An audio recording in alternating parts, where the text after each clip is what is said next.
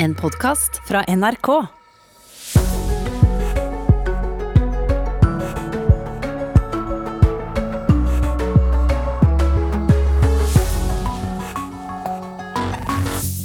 Dermed er Nyhetsmorgen godt i gang allerede. I Stjørdal ber kommunene altså folk om å ikke treffe andre enn dem de bor med. I Trondheim sprader folk rundt i gatene og handler i butikkene. Kanskje på tide å gjøre noe med det? Vi spør kommunedirektøren ganske snart. Huseierne mener vi får for lite igjen når Enova vil støtte færre og større tiltak til strømsparing. Så ergo så vil jo pengene vi betaler inn alle sammen over strømregningen, komme bare noen få forbrukere til gode. I tolvte time fikk EU og Storbritannia en avtale. Er det sant at Boris Johnson ga blaffen i næringslivet? Vi spør kommentator i Financial Times Martin Sandbu. Leger har laget gensere med bilde av den kjente assisterende helsedirektøren Espen Rostrup Nakstad, til inntekt for Leger uten grenser. Jeg tror kanskje ikke jeg skal gå rundt med en sånn genser med bilde av meg selv, eh, faktisk. Velkommen, dette er Nyhetsmorgen frem til klokken ni i NRK1, på NRK P2 og Alltid nyheter. Folk er altså frustrerte over at det er forskjellige smittevernregler mellom kommuner som ligger nær hverandre, som i Stjørdal, der det lokale næringslivet ber om at hele regionen får like regler. For mens alt er stengt i Stjørdal, folk blir bedt om å holde seg hjemme, så er det helt andre regler som gjelder i Trondheim. Det er trist at det går den veien. Og det er veldig dumt at eh, det, smitten blir mer, så det er litt dumt at vi må begynne helt på nytt. på en måte. Så alle sammen må jo stå sammen og gjøre en jobb sammen. Nå er det trønderne sin tur. Smitta har gått fra låg til høy, og de som NRK møter i gågata i Trondheim må bruke munnbind alle sammen. I nabokommunen Stjørdal er gågata derimot helt tom, for der innførte ordfører Ivar Vigdenes nye regler i går. Vi ber folk om å avlyse resten av jula, egentlig. I praksis så betyr det at vi anmoder sterkt om ikke å omgås mellom ulike husstander fram til og med den 3. januar. Men selv om alt er stengt ned i Stjørdal, så står folk fritt til å reise ut av kommunen, og til dømens inn til Trondheim, hvor det er mer smitte, men hvor butikker og utesteder likevel får være åpne. Det fører til at det lokale næringslivet i Stjørdal er uroa for at innsatsen de nå må legge ned, ikke fører til mindre smitte likevel. Men hvis vi får eh, smitte mellom kommunene igjen, så kan vi være like langt da. Man kan være bekymra for at eh, mellom Stjørdal og Trondheim så har det alltid vært en nærhet. Og om det gjelder å dra på en konsert, å dra på en restaurant, om dra på et utested, så har vi alltid hatt sånn nær kontakt mellom Stjørdal og Trondheim. Så det, det, er grunn til å frykte det. Det sier Jon Uthus, som er leder for næringsforeninga i Værnesregionen, og dermed også representant for næringa i Stjørdal. Han etterlyser nå kollektive avgjørelser fra samstemte lokalpolitikere i Trøndelag. Man må i hvert fall sette seg ned til bordet og snakke sammen, sånn at man klarer å gjøre de tiltakene som er såpass samkjørt at dette her får en langsiktig effekt. At nabokommuner har ulike smittevernsregler er ikke unikt for Trøndelag. Denne problemstillinga har Folkehelseinstituttet jobba en del med, og avdelingsdirektør Line Wold sier at det kan være mer effektivt om kommuner i samme region er mer samstemte. Det å ha like, eller mest mulig samordna smittetiltak gjør det nok lettere for folk med etterlevelse. Og så vil det jo selvfølgelig avhenge litt av hva som er smittesettingen i kommunen. Hvis du har et utbrudd i en religiøs gruppering i en kommune, så er det ikke sikkert at du trenger tiltak i nabokommunen selv om det er mye kontakt over kommunegrensene. Det vil jo avhenge av, av hva slags type miljøer og hvor smitten skjer. Sa Line Wold, Folkehelseinstituttet, til vår reporter Vegard Kjørom. I går var det altså smitterekord i Trondheim. 64 nye tilfeller siste døgnet. Morten Volden, kommunedirektør, god morgen. God morgen, god morgen. Hadde det vært en bedre idé å ha koordinerte smitteverntiltak? At dere, Stjørdal, nabokommunene deres ble enige, som dere skal diskutere senere i dag? Ja, det, en del ting kan vi koordinere, men samtidig så må jo enhver kommune på en måte iverksette tiltak ut fra det smittetrykket som er der. Uh, og Vi vedtok jo nye regler andre juledag, både for utelivet, treningssenter og når det gjelder sosiale kontakter. Uh, og Da varsla vi jo nabokommunene tvert og innkalte til et møte som vi skal ha senere i dag, for å se om vi kan samordne oss. Og Så tok jo Stjørdal oss litt på senga med å innføre nye regler i går, men uh, det skal vi diskutere senere i dag. nå. Jeg malte litt med bred pensel i sted. Det er også sånn at det er jo selvfølgelig butikker åpne i Stjørdal og uh, som i Trondheim, men folk blir oppfordret til å være hjemme. Ser du problemer med at uh, kanskje dere da som den største byen i området tiltrekker dere folk fra, fra strengere kommunen, kommuner? Altså det, jeg skjønner jo at man tar opp uh, problemstillinger. Uh, samtidig så er jo erfaringa vår sånn at det er ikke et yrende liv i Trondheim. Tvert imot det er veldig nedstengt. Eh, de fleste, aller fleste store restaurantene har stengt fram til 4.1. Uh, og veldig mange andre utesteder har også stengt ned pga. redusert skjenketid og ja, redusert tilstrømming til utelivet. Er det noe... Sånn at, ja, jo, Er det noe som tyder på at smitten i Stjørdal henger sammen med økningen i Trondheim? Jeg bare overkjører deg litt, jeg, siden det er litt forsinkelse på linjen her. Nei, jeg tror, at, eh, jeg tror at det er viktig for oss nå å um, tenke lenger enn til nyttår. Uh, vi har innført noen nye regler fram til, til 9.1, som med redusert sosial kontakt, stenging av treningssenter, munnbind osv. Men den store frykten min skjer jo utover januar. Vi får 700-900 tilreisende internasjonale studenter. Vi får 20 25 000 studenter som kommer tilbake fra juleferie i første ukene i januar. Så, så, det er klart jeg forstår at Stjørdal gjør det de gjør, eh, men samtidig må vi se tre, fire, fem uker fram i tid når vi gjør våre tiltak. Men bare for å få det tydelig, du tror ikke at smitten i Stjørdal henger sammen med økningen i Trondheim? Jo, det, sånn vil det alltid være. Eh, Det tror jeg nabokommunene til Oslo har lagt merke til tidligere også at dess mer smittetrykk det, altså Trondheim er så stor del av Trøndelag når det gjelder befolkning, at det vil påvirke omgivelsene. Men så har det også andre smitteutbrudd i Trøndelag som ikke har sammenheng med det som skjer i Trondheim. Trondheim anmeldte en person til politiet altså, som var smittet med koronavirus, men som brøt isolasjonsplikten og, og, dro på flere fester. og Dette ble det reportasjer om rundt omkring de siste dagene. Er dette en isolert hendelse, tror du, eller frykter du at at det faktisk er flere som holder på sånn? Vi har erfaring med at uh, vi har noen få miljø der uh, man ikke er så opptatt av korona og tror at det ikke er så farlig, og ikke tenker over at man kanskje smitter andre som tåler det mye dårligere. Uh, men utover det så tror jeg at trondhjemmere, stort sett altså 90-95% av de som bor i Trondheim, er veldig flinke til å følge opp retningslinjer, forskrifter og regler og det som til enhver tid gjelder. Det skjer. Og så er det altså noen som ikke vil samarbeide med smittesporerne. De vil ikke oppgi folk de har hatt kontakt med. Hvorfor ikke? Nei, Kanskje er de redd for at de navnene og de uh, opplysningene de oppgir, uh, går videre i systemet. Men jeg må jo betrygge dem at det gjør de ikke. Det, det de oppgir til smittesporerne, det er taushetsbelagt og kommer aldri i verden videre til noen andre. Så man kan trygt si hvem man har vært sammen med. Man bør absolutt si hvem man har vært sammen med. Morten Volden, kommunedirektør i Trondheim. Dere har formannskapsmøte klokken 11 i Trondheim i dag. Blir det strengere tiltak? Eh, det blir nok ikke strengere tiltak nå, men at det kommer nye tiltak, det er helt sikkert. Takk skal du ha, Morten Volden. Og Vi tar med ferske tall fra Oslo kommune som viser at 121 personer fikk påvist koronavirussmitte i hovedstaden i går, og det er flere enn gjennomsnittet for de siste syv dagene. Etterisolering og utskiftning av trekkfulle vinduer folk flest bør få støtte fra Enova til flere energisparetiltak i boligen i dag, mener flere organisasjoner vi har vært i kontakt med.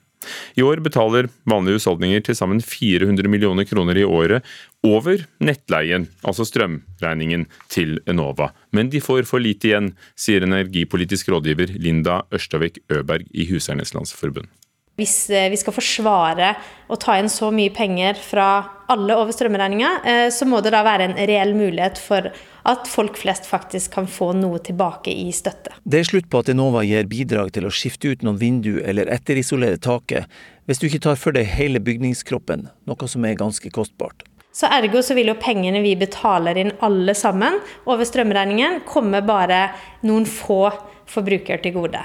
Enova vil òg fjerne støtta til luft-til-vann-varmepumpe, og redusere den til solceller og solfangere. Samtidig klarer de ikke å bruke opp pengene, konstaterer Linda Ørstavik Øberg. Hun mener Enova kommer til å ha 100 millioner kroner stående ubrukt når året er omme. Enova sjøl tror beløpet blir mindre. Det sier jo noe om eh, at de støtter feil ting og for få ting. For hadde de truffet med støtteordninga, så hadde folk ville hatt disse pengene.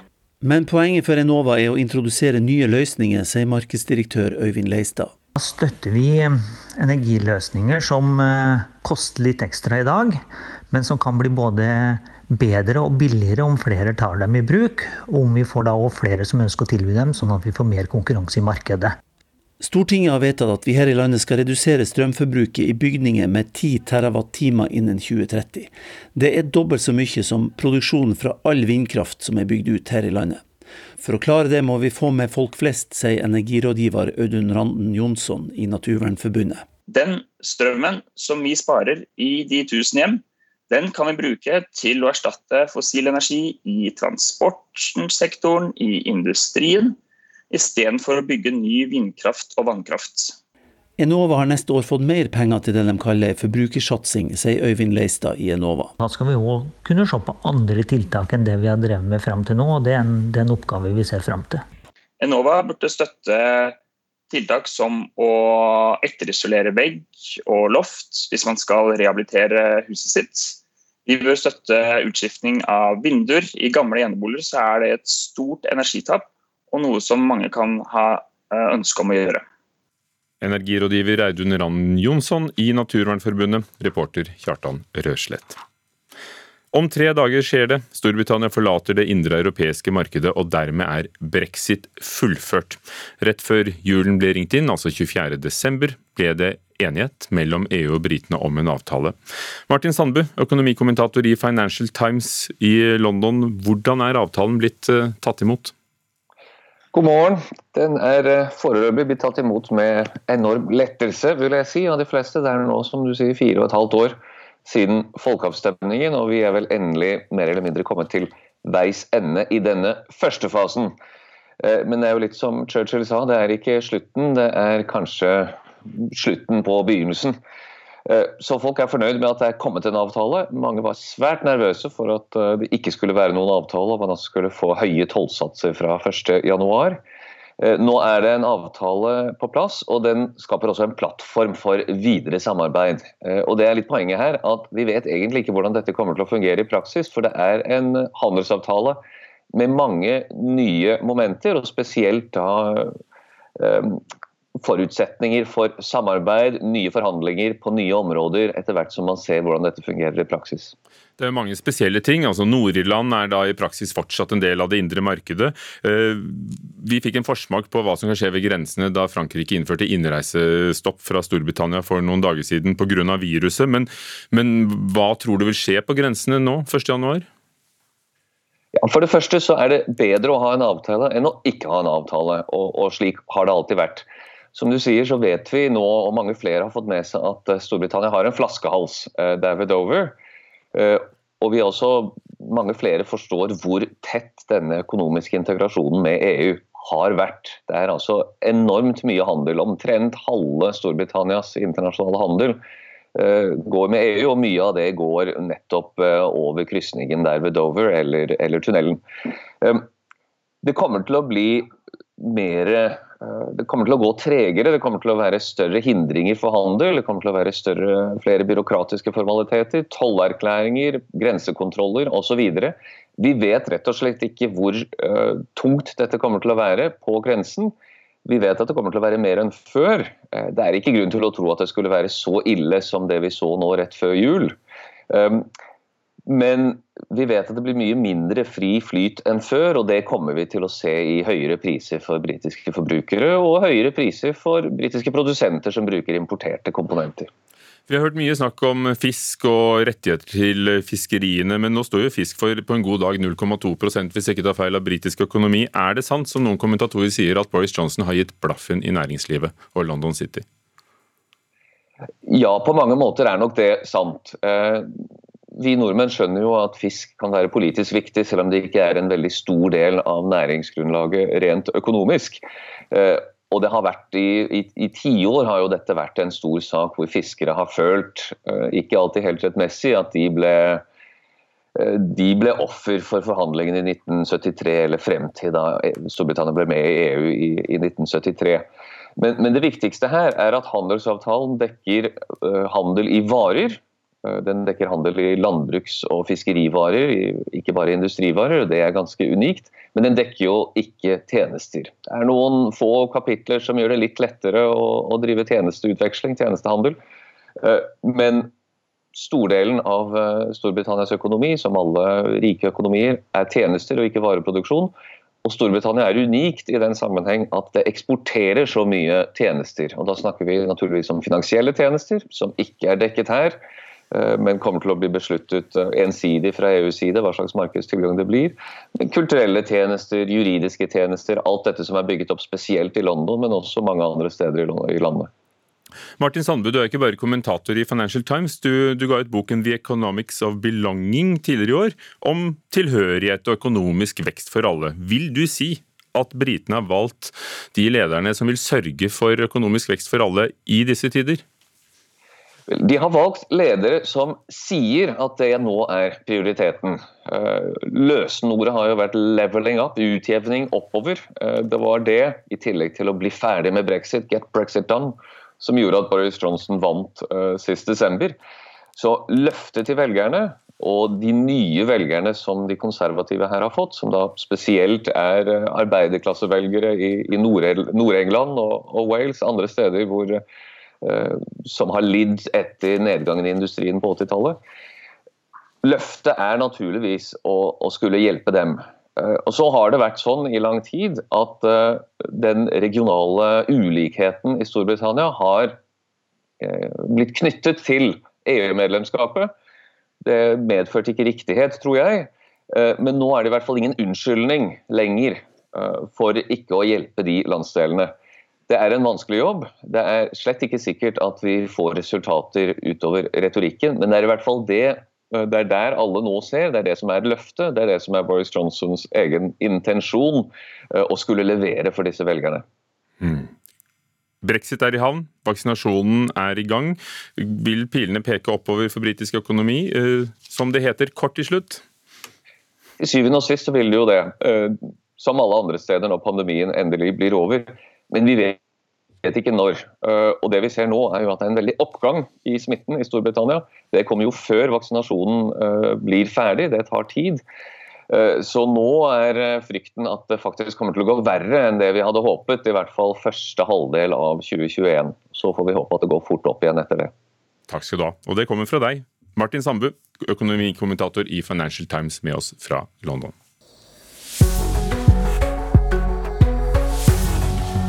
Dette er Nyhetsmorgen. Klokken har rundet eh, ti på halv åtte allerede. Kanalen er NRK. Det er forskjellige smittevernregler i eh, kommunene rundt Trondheim, og det skal de møtes om i dag, fordi næringslivet ber om like regler. Næringslivet i Stjørdal. I USA har representanthuset i Kongressen overkjørt president Donald Trump øh, og hans nei til forsvarsbudsjettet. og Det er første gangen under presidentperioden at over to tredeler av representantene har øh, stemt nei til et veto fra Trump. Og flere tusen husstander på Østlandet har vært uten strøm i natt. Vi snakket om økonomi og pilene, hvilken vei de kan peke i Storbritannia. Næringsminister Iselin Nybø, hva vil du si brexit-avtalen for å si for Norge? Ja, vi, vi, forhandler jo òg om en eh, frihandelsavtale eh, med Storbritannia. og Det at denne brexit-avtalen er på plass, gjør det jo òg mer forutsigbart og enklere å fortsette våre egne forhandlinger. Nå har vi en midlertidig avtale fordi vi ikke kom helt i, i land eh, med en frihandelsavtale. Så, så nå, nå, vet vi i alle fall hva EU og Storbritannia har å forholde seg til. og Da kan vi òg fortsette vårt, våre forhandlinger. Så, så det er godt, godt nytt nytt òg for oss. Og så har britiske diplomater kanskje mer eh, tid og krefter til å tenke på lille Norge? Ja, det er klart det er Altså, Norge er et, er et viktig land for Storbritannia, men det er klart EU-forhandlingene har, har, hatt høy oppmerksomhet i Storbritannia. Det tror jeg de fleste forstår. Eh, men, men, vi ønsker òg å ja, komme i land med, med våre, egne, våre, egne, forhandlinger. Så jeg både håper og tror at vi skal ha god progresjon i de framover etter nyttår. Det var brexit. Også i Norge er eh, koronapandemien eh, noe som eh, preger næringslivet. Vi hørte om bedrifter som har brukt tiden godt i Nyhetsmorgen i går, og nå hører vi om kommuner hvor næringslivet lider. Og som næringsminister Iselin Nybø har du vært med på å bestemme hvem som skulle få økonomisk hjelp, hvordan den skal innrettes, og, og, og hvem da indirekte som, som kommer til å ikke klare seg. Hvordan har det vært? Det har, et, eh, det har, vært et, spesielt år, eh, det er jo ikke til å komme fra. Og i næringslivet så har det vært store variasjoner. Noen har klart seg godt, eh, noen har det gått helt greit med, mens noen har virkelig hatt problemer. Og det er jo særlig reiselivet, og, og særlig nå på slutten serveringsbransjen. Så det her har vært et utfordrende år for, for mange, altså.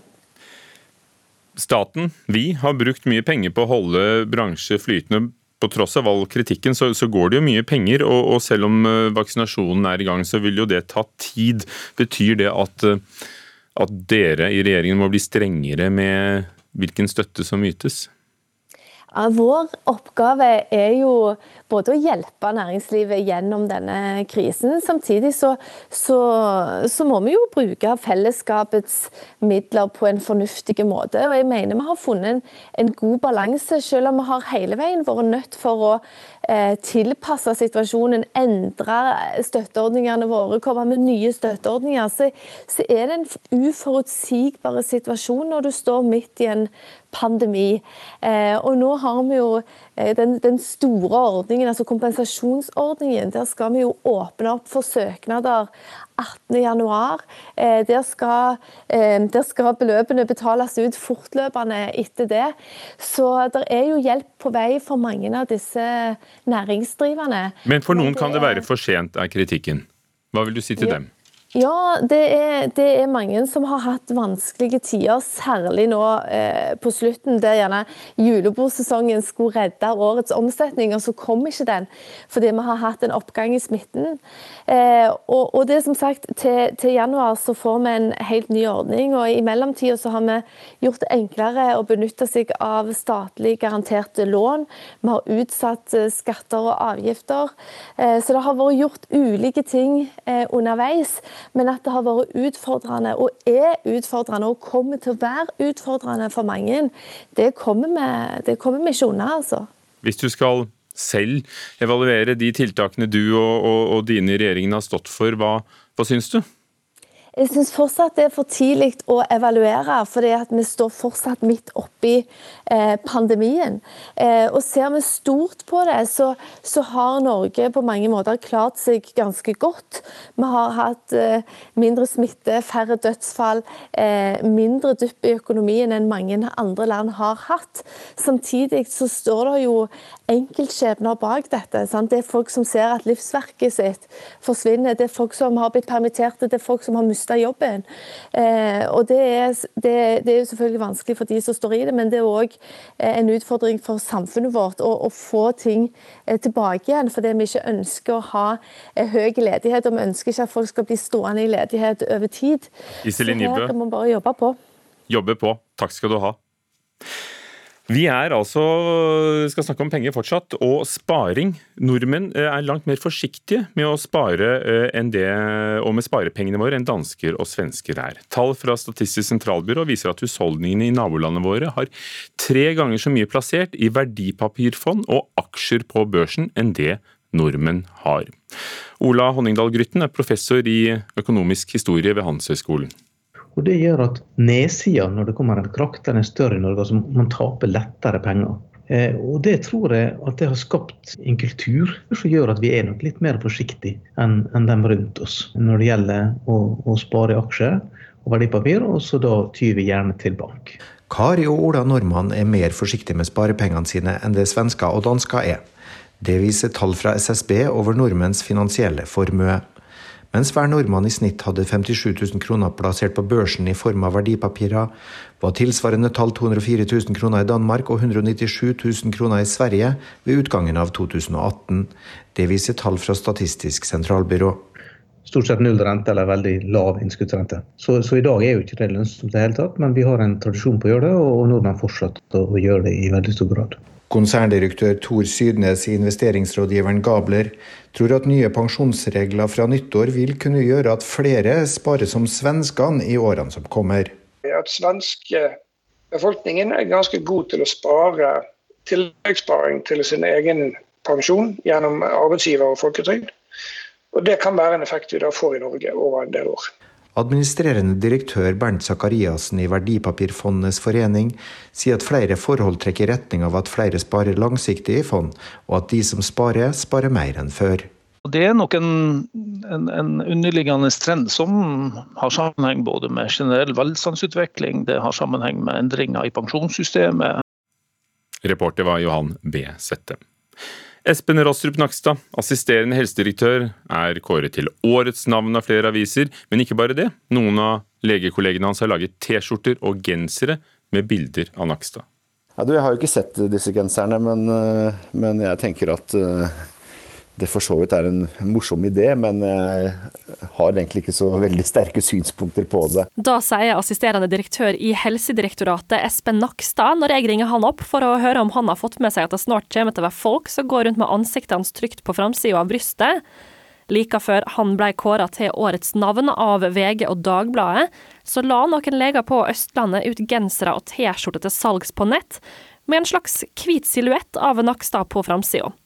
Planen er å hedre han for tiltakene som ble satt i verk under pandemien i år, samtidig som Leger uten grenser skal få overskuddet av salget.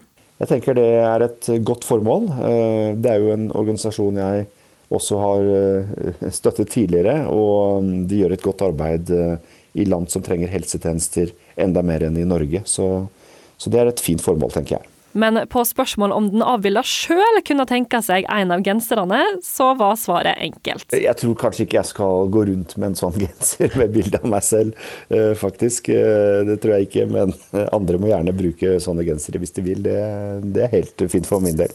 For nå finnes de altså, Espen Rostrup Nakstad, som også er på gensere, reporter Ellen Karin Moen. Dette er Nyhetsmorgen, klokken halv åtte.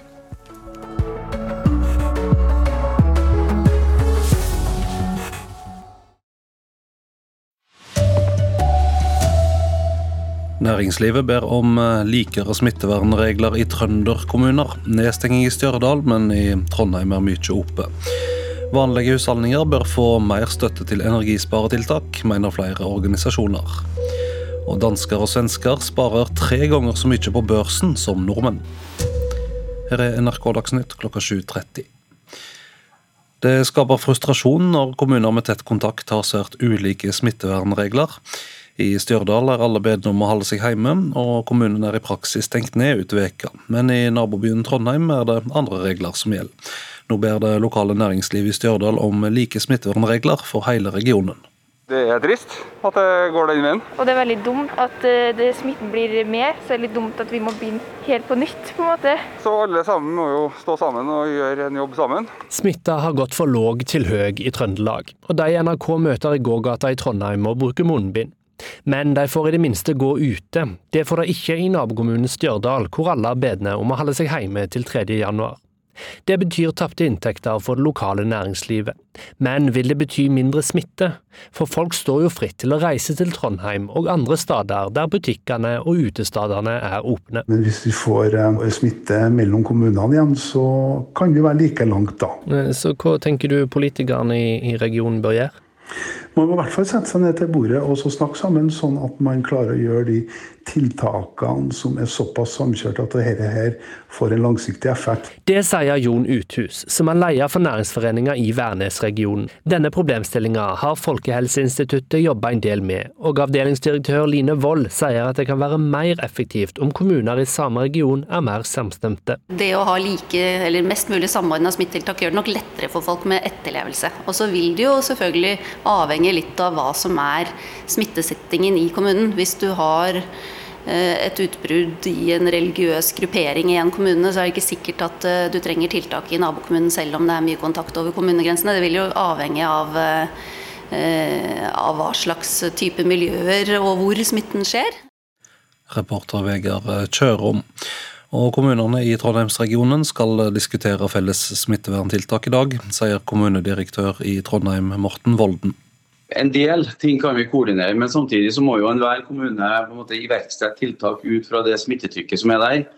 Uh, og Vi vedtok jo nye regler andre juledag, både for utelivet, treningssenter og når det gjelder sosiale kontakter.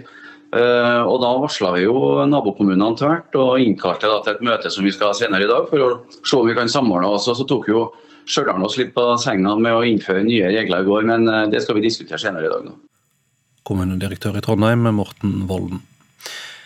Og Siste døgn ble det registrert 121 eh, nye koronasmitta i Oslo. Det er 73 flere enn døgnet før, og det høyeste tallet på ett døgn de siste to ukene. I alt i Norge ble det registrert 526 nye koronasmitta siste døgn, 145 flere enn døgnet før. Folk flest bør få støtte fra Enova til flere energisparende tiltak, som etterisolering og utskifting av trekkfulle vinduer. Det mener flere organisasjoner. I år betaler vanlige husholdninger til sammen 400 millioner kroner i året over nettleien til Enova. Men de får for lite att, sier energipolitisk talsperson Linda Ørstavik Øberg i Huseiernes Landsforbund. Hvis eh, vi skal forsvare å ta inn så mye penger fra alle over strømregninga, eh, så må det da være en reell mulighet for at folk flest faktisk kan få noe tilbake i støtte. Det er slutt på at Enova gir bidrag til å skifte ut noen vindu eller etterisolere taket, hvis du ikke tar for deg hele bygningskroppen, noe som er ganske kostbart. Enova vil òg fjerne støtta til luft-til-vann-varmepumpe, og redusere den til solceller og solfangere. Samtidig klarer de ikke å bruke opp pengene, konstaterer Linda Ørstavik Øberg. Hun mener Enova kommer til å ha 100 millioner kroner stående ubrukt når året er omme. Enova sjøl tror beløpet blir mindre. Hadde de truffet med støtteordninga, så hadde folk ville hatt disse pengene. Men poenget for Enova er å introdusere nye løsninger, sier markedsdirektør Øyvind Leistad. Da støtter vi energiløsninger som eh, koster litt ekstra i dag, men som kan bli både bedre og billigere om flere tar dem i bruk, og om vi får da òg flere som ønsker å tilby dem, sånn at vi får mer konkurranse i markedet. Stortinget har vedtatt at vi her i landet skal redusere strømforbruket i bygninger med 10 TWh innen 2030. Det er dobbelt så mye som produksjonen fra all vindkraft som er bygd ut her i landet. For å klare det må vi få med folk flest, sier energirådgiver Audun Randen Jonsson i Naturvernforbundet. Den strømmen som vi sparer i de tusen hjem, den kan vi bruke til å erstatte fossil energi i transportsektoren, i industrien, istedenfor å bygge ny vindkraft og vannkraft. Reporter var Kjartan Rørslett. Og flere tusen strømkunder på Østlandet har vært uten strøm i natt grunnet mye tung snø, som har ført til at tre har falt over kraftlinjer. Strømselskapet Elvia stansa feilrettinga i går kveld, og starta opp igjen klokka sju, skriver VG. Verst råka i natt var Hurdal kommune på Øvre Romerike, med nær 1800 strømløse kunder. 50 journalister og medietilsatte ble drepne i samband med arbeidet i år. De fleste ble drepne i land som ikke offisielt er i krig, ifølge Reportere uten grenser. Ifølge organisasjonen syner tallene at særlig journalister som dekker saker om organisert kriminalitet, korrupsjon og miljøsaker er i fare, og da særlig land som Mexico, India og Pakistan. Norsk, norske husholdninger er mye mer eh, forsiktige med sparepengene enn dansker og svensker. Tall fra Statistisk sentralbyrå syner at svensker og dansker har tre ganger så mye plassert i verdipapirfond og aksjer enn nordmenn. Årsaken er mellom annet at Norge eh, ofte har blitt råket hardt av økonomiske kriser, særlig etter at vi ble en oljenasjon. Det sier en professor i økonomisk historie ved Norges handelshøgskole, Ola Honningdal Grytten. Og Det gjør at nedsida når det kommer en krakk, den er større i Norge. altså Man taper lettere penger.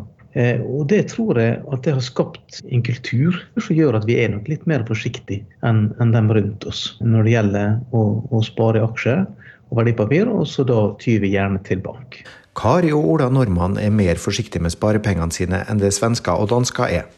Det viser tall fra SSB over nordmenns finansielle formue.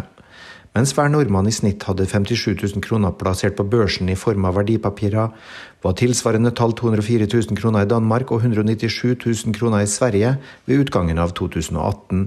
Det viser tall fra Statistisk sentralbyrå. stort sett null rente eller veldig lav innskuddsrente. Så, så, i dag er jo ikke det lønnsomt i det hele tatt, men vi har en tradisjon på å gjøre det, og nordmenn fortsetter å gjøre det i veldig stor grad. Konserndirektør Tor Sydnes i investeringsrådgiveren Gabler tror at nye pensjonsregler fra nyttår vil kunne gjøre at flere sparer som svenskene i årene som kommer. At svenske befolkningen er ganske god til å spare tilleggssparing til sin egen pensjon gjennom arbeidsgiver og folketrygd. Og Det kan være en effekt vi da får i Norge over en del år. Administrerende direktør Bernt Sakariassen i Verdipapirfondenes forening sier at flere forhold trekker i retning av at flere sparer langsiktig i fond, og at de som sparer, sparer mer enn før. Det er nok en, en, en, underliggende trend som har sammenheng både med generell velstandsutvikling, det har sammenheng med endringer i pensjonssystemet. Reporter Johan B. Sette. Mange liker å gi vekk bøker i julegaven, men bøker blir også ofte bytta når butikkene åpner igjen. Da butikkene åpna i går, var det flere som ville bytte ei bok de hadde fått to av. Jeg har bytta en superheltbok, men jeg har ikke funnet ut hva jeg skal ha. I går var den store byttedagen, og mange byttet bøker. Det var dagen vi endelig kunne gå inn i en butikk og bytte det som ikke falt i smak. Jeg fikk Barack Obamas siste memoarer, men jeg fikk den på norsk, og jeg ville helst lese den på engelsk. Ja, vi skal bytte til en bok som heter William Wenton 6. Folk bytter gaver til tross for korona, sier Vilde Strømmen, som jobber hos Ark bokhandel i Bogstadveien. Jeg tror jeg vil si at trykket er ganske likt, altså. Det eneste forskjellen er at nesten alle bruker ansiktsmaske, så det er jo bra. Også daglig leder i Nordli, Jon Thomasgaard, sier de forventer like stor trafikk i romjulen i år som i fjor. Men for å ta hensyn til smittevern har Nordli oppfordret folk til å vente litt med byttingen. I år så har vi jo, i likhet med mange andre, oppfordra folk til å strekke det litt, og ikke eh, få for store oppsamlinger i butikker disse romjulsdagene. Verken Nordli eller Ark er i tvil om hvilke bøker det byttes mest av. Det er bestselgerne, Kongen forteller og Lars Mytting sin. Hekneveven den er, er det mange som får to av til jul. Reportere Oda Elise Svelstad og Heller Ørbekk Eliassen. Ansvarlig for sendinga Elin Pettersen, i studio Vidar Eidhammer.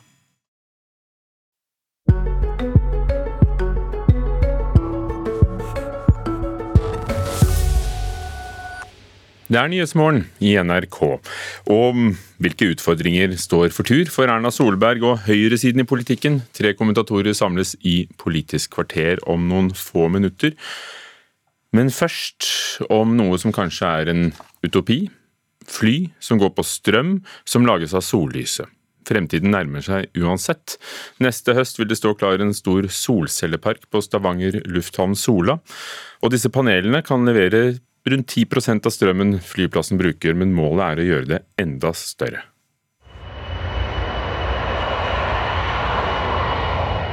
Flytrafikken er en av de største klimaverstingene med sine utslipp. Men mye kommer til å skje de neste årene som vil endre drastisk på dette.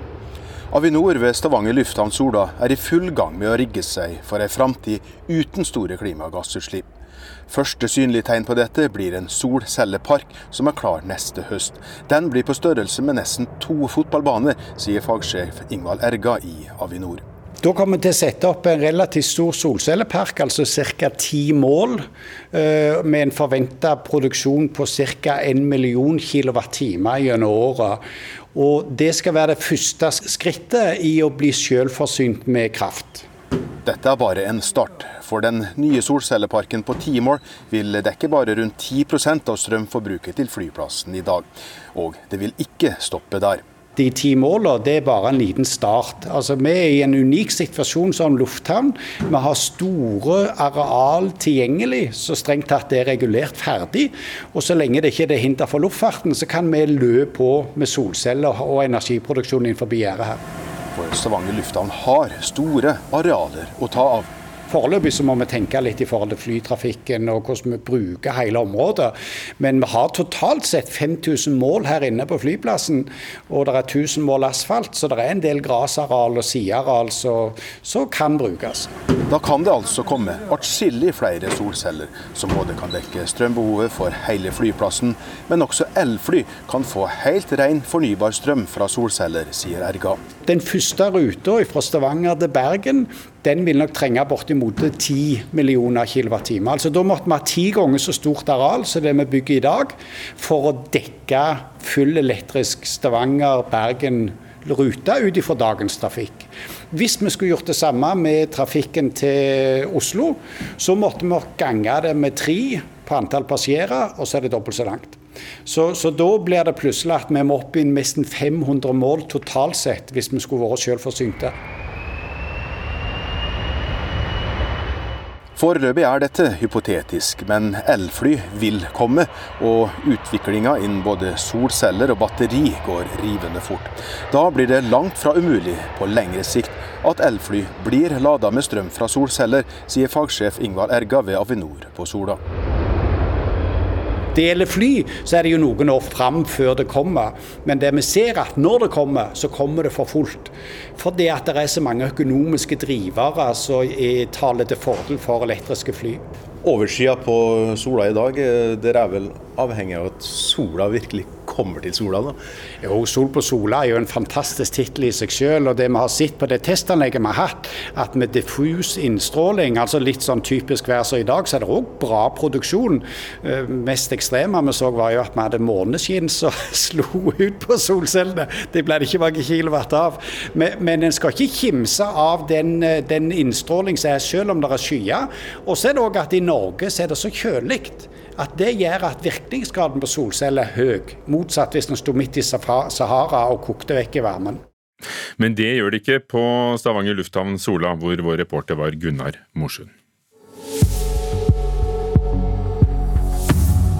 Klokken nærmer seg 7.45. Dette er Nyhetsmorgen. USAs påtroppende president Joe Biden sier Trump-regjeringen hindrer arbeidet med maktovertakelsen. Han mener det har gjort så stor skade at amerikanernes sikkerhet er truet. We need full visibility into the budget planning underway at the Defense Department and other agencies in order to avoid any window of confusion or catch up that our adversaries may try to exploit. Og flere tusen husstander på Østlandet har vært uten strøm i natt pga. tung snø over kraftlinjene. Det er tid for Politisk kvarter.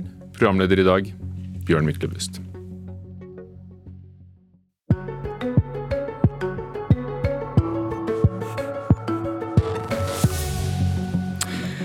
Nå får du forhåpentligvis snart en sprøyte i armen, og alle håper vi kan leve et mer normalt liv igjen. Men vil millioner av sprøytestikk også gjøre at norsk politikk blir mer normal igjen? Eller kommer valget for fort? Blir det korona som avgjør hvem som er statsminister etter stortingsvalget neste år, uansett?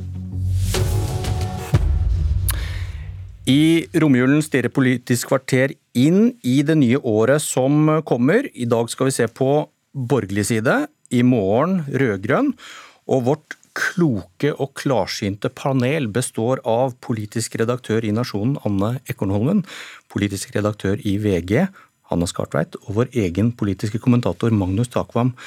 God morgen og velkommen. God morgen. Um, og vi må nesten starte med dette viruset. Når denne sendinga går på lufta, så skal etter planen de første norske innbyggerne få denne vaksinen. Og det enkle, men nesten umulige spørsmålet til panelet er da hvordan vil korona påvirke stortingsvalget neste år? Skal vi begynne med Ekornholmen? Ja, jeg tror nok at eh, koronaen vil prege oss og 2021 og stortingsvalget også eh, framover eh, ganske lenge. Eh, til tross for at vi etter hvert forhåpentligvis får eh, som du sier, sprøyta i armen, så er det klart at eh, det vi har vært igjennom i 2020, det vil henge med oss lenge. næringslivet og arbeidsplasser og den type ting vil bli et tema for valgkampen. det har vært mye økonomisk prat i 2020, og det vil det også bli i 2021, tror jeg. Ja, Skartveit, hvordan, hvordan, kan man se for seg at uh, korona direkte spiller inn på resultatet i det valget vi skal ha neste høst? Jeg tror det kommer veldig an på hvor fort koronaen si, blir borte, eller hvor fort vi opplever at hverdagen blir vanlig igjen. Og så tror jeg også Det er veldig avhengig av hvordan det slår inn på økonomien. Om vi på en måte får en kjempeoppblomstring for at nå er vi i gang igjen og handler og reiser, eller om vi vil se en konkursbølge som rammer langt flere enn akkurat de som mister jobben. Sånn at det er åpent, vil jeg si. Takk, Vam. Er det kanskje et ufint spørsmål, men hvem, hvem tjener og hvem taper på at korona eventuelt er det store spørsmålet når velgerne skal gå og stemme? Så langt, i hvert fall i startfasen, så var det jo Høyre som eh, åpenbart tjente på eh, å være i front for krisehåndteringen. Vi så på målingene at i februar eh, lå Høyre på dårlige tall på 18-19% og i april-mai kom de opp til 26-27 Uh, og de fikk åpenbart den scenen også som dette innebar, med å vise fram kanskje Høyres sterkeste side, nemlig kompetansen og, og, og dyktige fagstatsråder og Erna Solberg osv. Men nå har vi jo observert at uh, de siste målingene gjør at uh, Høyre ikke lenger har, har, den suverene posisjonen på målingene. Så jeg tror nok at i den forstand så, så vil Eh, politikken og valgkampen bli mer normalisert enn det vi så i starten. Og så har vi et bakteppe, et mørkt bakteppe med 22.07.2011. Eh, en Erna Solberg som går til valg på å være best på beredskap. Um, vil hun møte seg selv i døra nå etter denne pandemien, eller vil håndteringen av den være en styrke? Hvordan ser det ut, Skartveit? Klart, det var jo en katastrofe at vi ikke hadde hansker, ikke hadde masker, at helsepersonell har måttet bruke ting som ikke har vært bra nok. Og det vil jo komme en ordentlig grundig evaluering av dette. Eh, og da er vi tilbake til hvem tjener og taper på valget, hvis det kommer.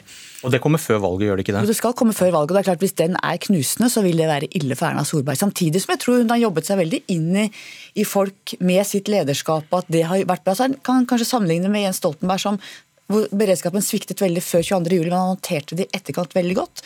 Hun har håndtert beredskap i forkant veldig dårlig, men stått veldig opp underveis i krisa. Og så trenger vi kanskje ikke se mer enn til over grensa. Er ikke Norge verdensmestere i pandemi, økonomisk og helsemessig? Kan, hvordan vil det spille inn på, på valgresultatet til en statsminister? Jeg tror, Som Skartveit sier, så tror jeg at vi, må, vi, kommer til å få noen svar på det i den rapporten, eh, i evalueringa som kommer. Men, men eh, jeg har jo inntrykk av at folk vi skal si folk flest, da, mener jo at, eh, at, dette har vært håndtert på en veldig god måte. Og, og, at de følgende Det er klart det er veldig mange som sitter og har vært permittert og har mista jobben og den type ting. Og dem er jo selvfølgelig veldig kritiske til manglende krisepakker og, og sitter og venter på penger. Eh, og de vil jo ha, ha en mening om, om Erna har gjort dette godt eller ikke.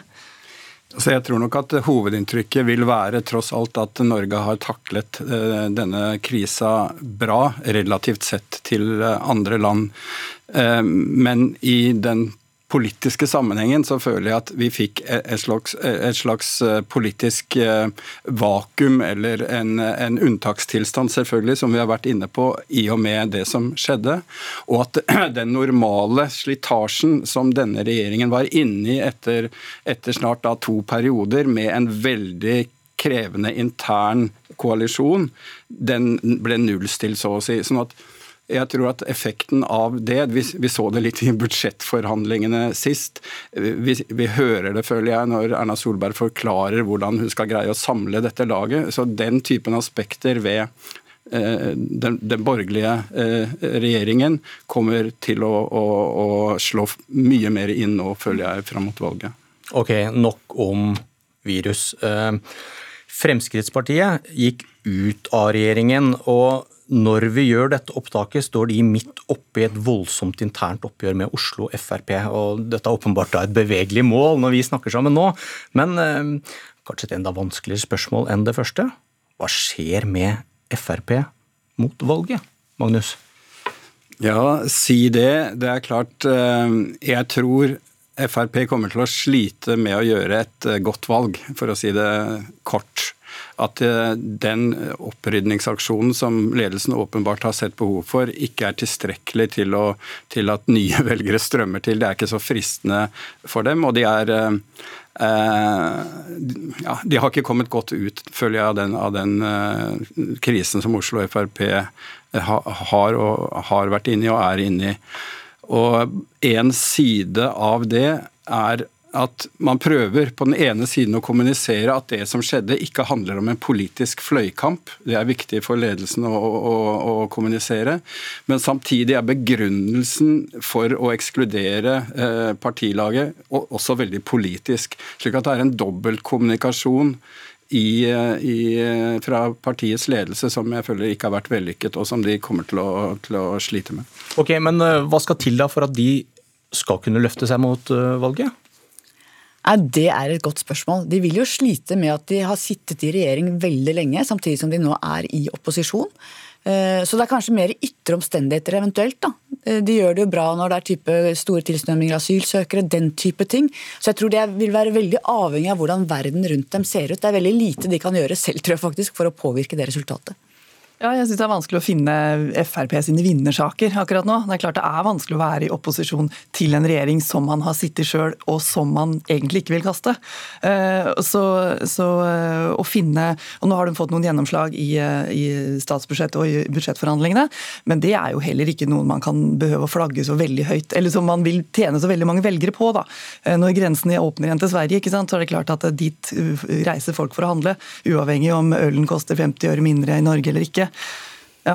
Og så, så, var du inne på det, de ble enige igjen. Eh, denne borgerlige familien til, eh, til Erna de setter, seg, de setter, seg, ned og spiser hver eneste gang. Men eh, Siv Jensen hun sier veldig stygge ting om Venstre og KrF nå.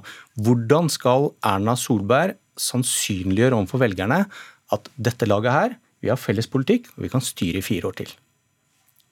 Det føler jeg er en vanskelig kommunikasjonsjobb, for å si det mildt.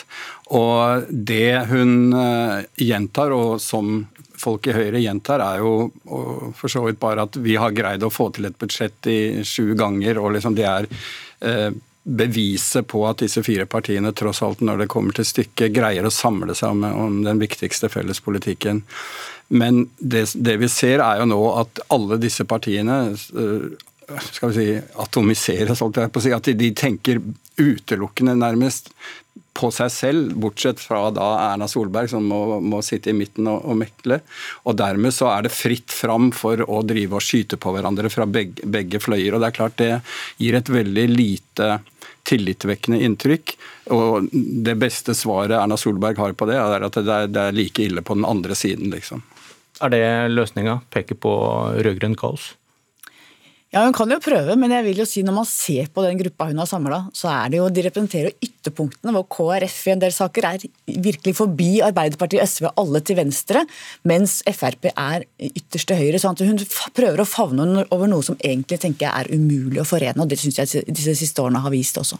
Kan, eh, det har du vært opptatt av. Kan pengene redde Erna Solberg? Hun bruker mye penger pga. korona, og til en del andre ting. og dette dette smører vel dette vanskelige samarbeidet òg, hvis du kan dele ut mange seire til mange partier? Ja, Hun har jo gjort det til de grader, og vi ser jo nå under korona nå at alle store bevilgninger og alle gaver hun har gitt til sine samarbeidspartnere, har blitt pakket inn i et såkalt koronatiltak. ikke sant? Selv, selv økningen i pensjonene til de gamle, som er de eneste som har på en måte sikre inntekter livet ut etter koronaen, selv de har hun på en måte pakka inn en sånn slags koronavariant. sånn at uh, Hun kjøper seg fri, men jeg, jeg tenker jo på et eller annet tidspunkt så må vel velgerne også si nei, at dette er barnebarnas penger, nå er det nok.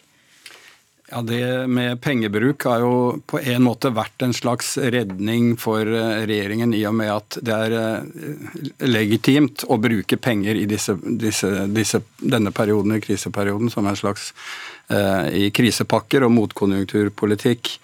Uh, men som mange økonomer nå også er inne på, så er det er det ikke på en måte det at du bruker mye penger som er den største skal vi si, krisen eller, eller feilen, men det er hvordan du bruker pengene. Det er klart, Hvis man bruker pengene massivt til å, å opprettholde arbeidsplasser som ikke har livets rett, så er det feil. Og det er også feil å unnlate å bruke penger hvis bedrifter som har livets rett, dør. Og F.eks. på både transport og på pensjon, som du sier, så, så, så syns jeg denne krisen eks, eksponerer at det å ha en handlingsregel i seg selv er ikke nok. Det er hvordan du bruker pengene som er det avgjørende. Um, hvis Erna Solberg nå skal fortsette uh, å være statsminister, så må Venstre og KrF komme seg over sperregrensa. Hvordan er utsiktene til det, økonomene?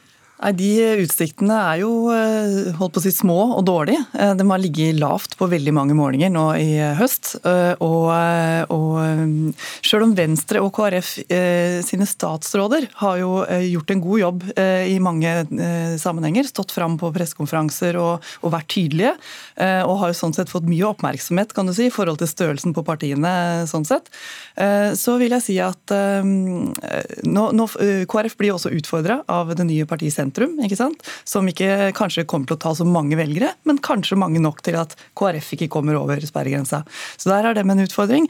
Og det er klart at eh, de Eh, de har tidligere fått eh, støtte, si, støttestemmer fra Høyre. Det kan man ikke regne med nå, at, eh, at, Venstre kommer til å få noen særlig sånne lånevelgere. Så der, der, er det en jobb å gjøre for to små partier. Du, du Takvam, du nevnte for meg at du så på tilfellet KrF, og det, det så ikke helt Det så vanskelig ut. De har jo operert på en måte som gjør at de er blitt politisk hjemløse, føler jeg. At de både har en svær konflikt med eh, den koalisjonen de er en del av nå, med forholdet til Frp, som, en, som, som, det viktigste. Der de nullet ut deres seire da Frp gikk ut av regjering med bioteknologiloven osv. Og så har de eh, eh, skapt et eh, forhold til venstresiden som gjør at ingen i, i Arbeiderpartiet og SV vil, vil kunne uh, ta i KrF etter, etter, etter en eventuell en, en valgseier. Sånn at de, de, er i en veldig vanskelig sits, rett og slett. Skartveit, noe vi ikke har snakka om, som eh, Erna Solberg har som utfordring. Trygve Slagsvold Vedum. Dette skal vi snakke mer om i, i morgen, men hvordan, eh, hvordan må Erna Solberg møte kasuset Senterpartiet? Ja, Det er ikke lett. og Jeg har tenkt mye på det. Jeg begynte som politisk reporter i 1990, så var KrF og Senterpartiet omtrent 5-6% begge to. Nå ligger altså KrF ned på totallet, mens Slagsvold Vedum ligger på det tidobbelte. Og han tar jo mange velgere fra Høyre. Eh, så det er et godt spørsmål. Dette tror jeg Erna Solberg tenker mye på. Helt til slutt, ja nei. Eh, fortsetter Erna Solberg som Høyre-leder hvis, hvis hun taper valget? Ja, det tror jeg. Ja. Det er også mitt inntrykk. Ja. Enkelt og greit. Vi høres igjen i morgen. Dette var Politisk kvarter. Jeg heter Bjørn Myklebust.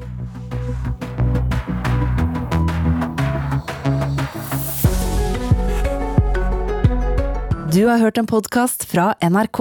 Hør flere podkaster og din NRK-kanal i appen NRK Radio.